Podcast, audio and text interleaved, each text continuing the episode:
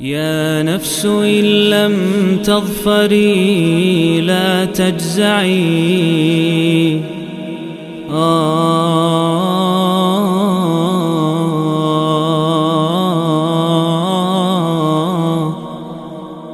بسم الله الرحمن الرحيم الحمد لله رب العالمين وبه نستعين على أمور الدنيا والدين والصلاة والسلام على أشرف الأنبياء والمرسلين نبينا محمد وعلى آله وأصحابه أجمعين أما بعد Di episode ke-42 dari perjalanan kita mengkaji surat demi surat. 114 surat Al-Quranul Karim sebelum bulan Ramadan. Kita sekarang berjumpa dengan surat Ashura Surat yang ke-42 uh, surat Makiyah di mana Asyura artinya musyawarah. Turun setelah surat Fusilat dan turun sebelum surat Az-Zukhruf ya persis urutan turun dan urutan mushafnya 53 ayat dan kita bisa tebak ya tema besar dari nama surat ini dan sama seperti surat-surat lainnya sebagaimana Al-Imam Asyuti katakan ada munasabah ada korelasi kecocokan antara nama surat dengan tema besar surat kalau surat Al-Mu'min sangat cocok ya. Nama Al-Mu'min dengan ya sosok orang beriman yang digambarkan di surat tersebut yang berdakwah uh, membela agama dengan lisannya dan memang itulah ciri orang beriman. Orang beriman yang menyatakan keimanan dengan lisannya tentu pasti akan membela agamanya juga. Tidak hanya sekadar di hati tapi juga dengan lisan dan benar-benar di, ditunjukkan pembelaan tersebut. Itu kecocokannya secara fusilat juga demikian. Ya, selain karena ada kata-kata fusilat di suratnya di ayat yang ketiga dan di ayat ke-44 juga karena surat fusilat ya artinya telah dijelaskan me, ya mencocoki tema besarnya itu jelasnya Al-Qur'an bagi mereka yang bagi mereka yang uh, membangkang, mereka yang berpaling. Ini bahkan yang berpaling saja, mereka berpaling setelah sebetulnya Al-Qur'an sudah jelas bagi mereka. Maka surat Asyura pun demikian. Hubungannya adalah selain karena memang di ayat 38 dari surat ini ada kata wa amruhum syura bainahum dan kaum muslimin memutuskan perkara mereka dengan musyawarah sesama mereka juga karena memang tema besar dari surat surat uh, surat Asyura ini adalah uh, musyawarah yang menghasilkan persatuan umat. Musyawarah atau kita boleh sebutlah ya Sistem musyawarah menghasilkan dan mewujudkan persatuan umat. Kita boleh eh, melihat paparan tema besar ini dalam sejumlah ayatnya.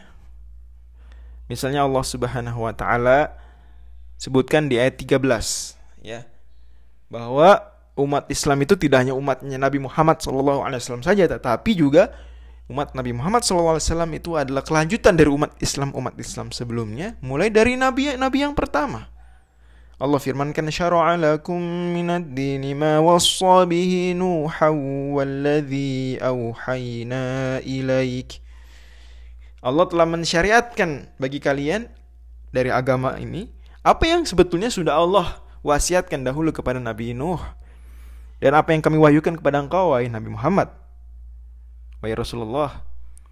Wa ma wassayna bihi Ibrahim wa Musa wa Isa Dan apa yang kami wasiatkan pula kepada Nabi Ibrahim, Nabi Musa dan Nabi Isa Dan ini satu dari dua ayat Quran yang menyebutkan lima ulul azmi dalam satu ayat ini Ayat 13 surat Ash-Shura dan ayat 7 surat Al-Ahzab Kata Allah apalagi An aqimud dina wa la tatafarraqu fi agar kalian menegakkan betul-betul agama Islam ini dan jangan berpecah belah.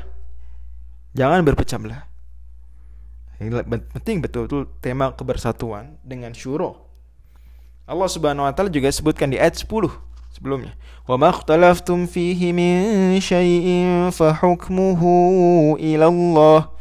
Kalau kalian berbeda pendapat tentang sesuatu maka putusannya adalah putusan Allah. Dan di antara putusan Allah adalah ya melalui Al-Qur'an, melalui sunnah, melalui ijma dan melalui syuro kalian. Itu putusan-putusan yang diberkahi Allah Subhanahu wa taala.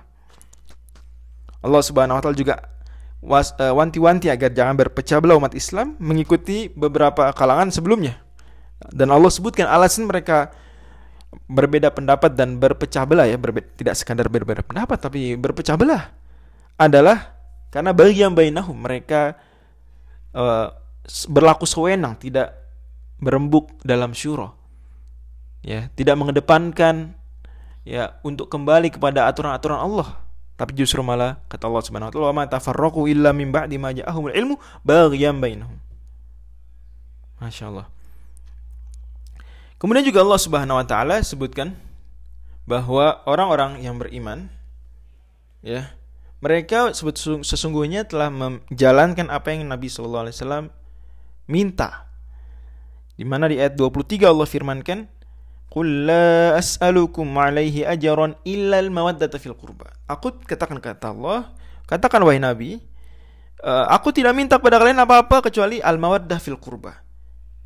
Al-mawaddah fil qurba tafsiran populernya adalah mencintai ahlul bait. Tapi sebetulnya kata-katanya lebih umum daripada itu. Ya, teksnya sendiri umum, tidak membatasi ahlul bait, tapi al mawaddah fil kurba ke kecintaan dalam kekeluargaan. Artinya kaum muslimin seperti itu seharusnya. Saling mencintai dalam nuansa kekeluargaan. Dan Allah Subhanahu wa taala juga melalui syuro dan melalui penegasan kebersatuan tadi mengingatkan kita agar jangan sampai justru membuat aturan-aturan baru yang bertentangan dengan aturan Allah. Am lahum syuraka usyara'u lahum minad dini ma lam ya'zam. Apa mereka punya serikat-serikat lain? Ya, sekutu-sekutu lain selain Allah yang membuat syariat buat mereka dalam agama yang Allah tidak izinkan. Nah, ini penting sekali. Makanya Allah Subhanahu wa taala di akhir surat ya, menyebutkan bahwa Islam ini yang mengajak pada kebersatuan melalui syuronya dan lain-lainnya itu sebetulnya adalah kehidupan yang memberikan bimbingan. Kata Allah, "Wa kadzalika uhayna ilaika ruham min amrina." Demikianlah kami wahyukan kepada engkau wahai Rasulullah ruh dari perkara kami. Ya, Allah sebut Al-Qur'an sebagai ruh. Ma kunta tadri mal kitab walal iman. Kamu sebelumnya nggak tahu dan seterusnya sampai kata Allah Subhanahu wa taala wa innaka latahdi ila mustaqim siratal ladzii lahu ma fis samawati wa fil ardh. Yani bahwa inilah jalan yang lurus seperti itu. Wallahu alam bisawab. Assalamualaikum warahmatullahi wabarakatuh.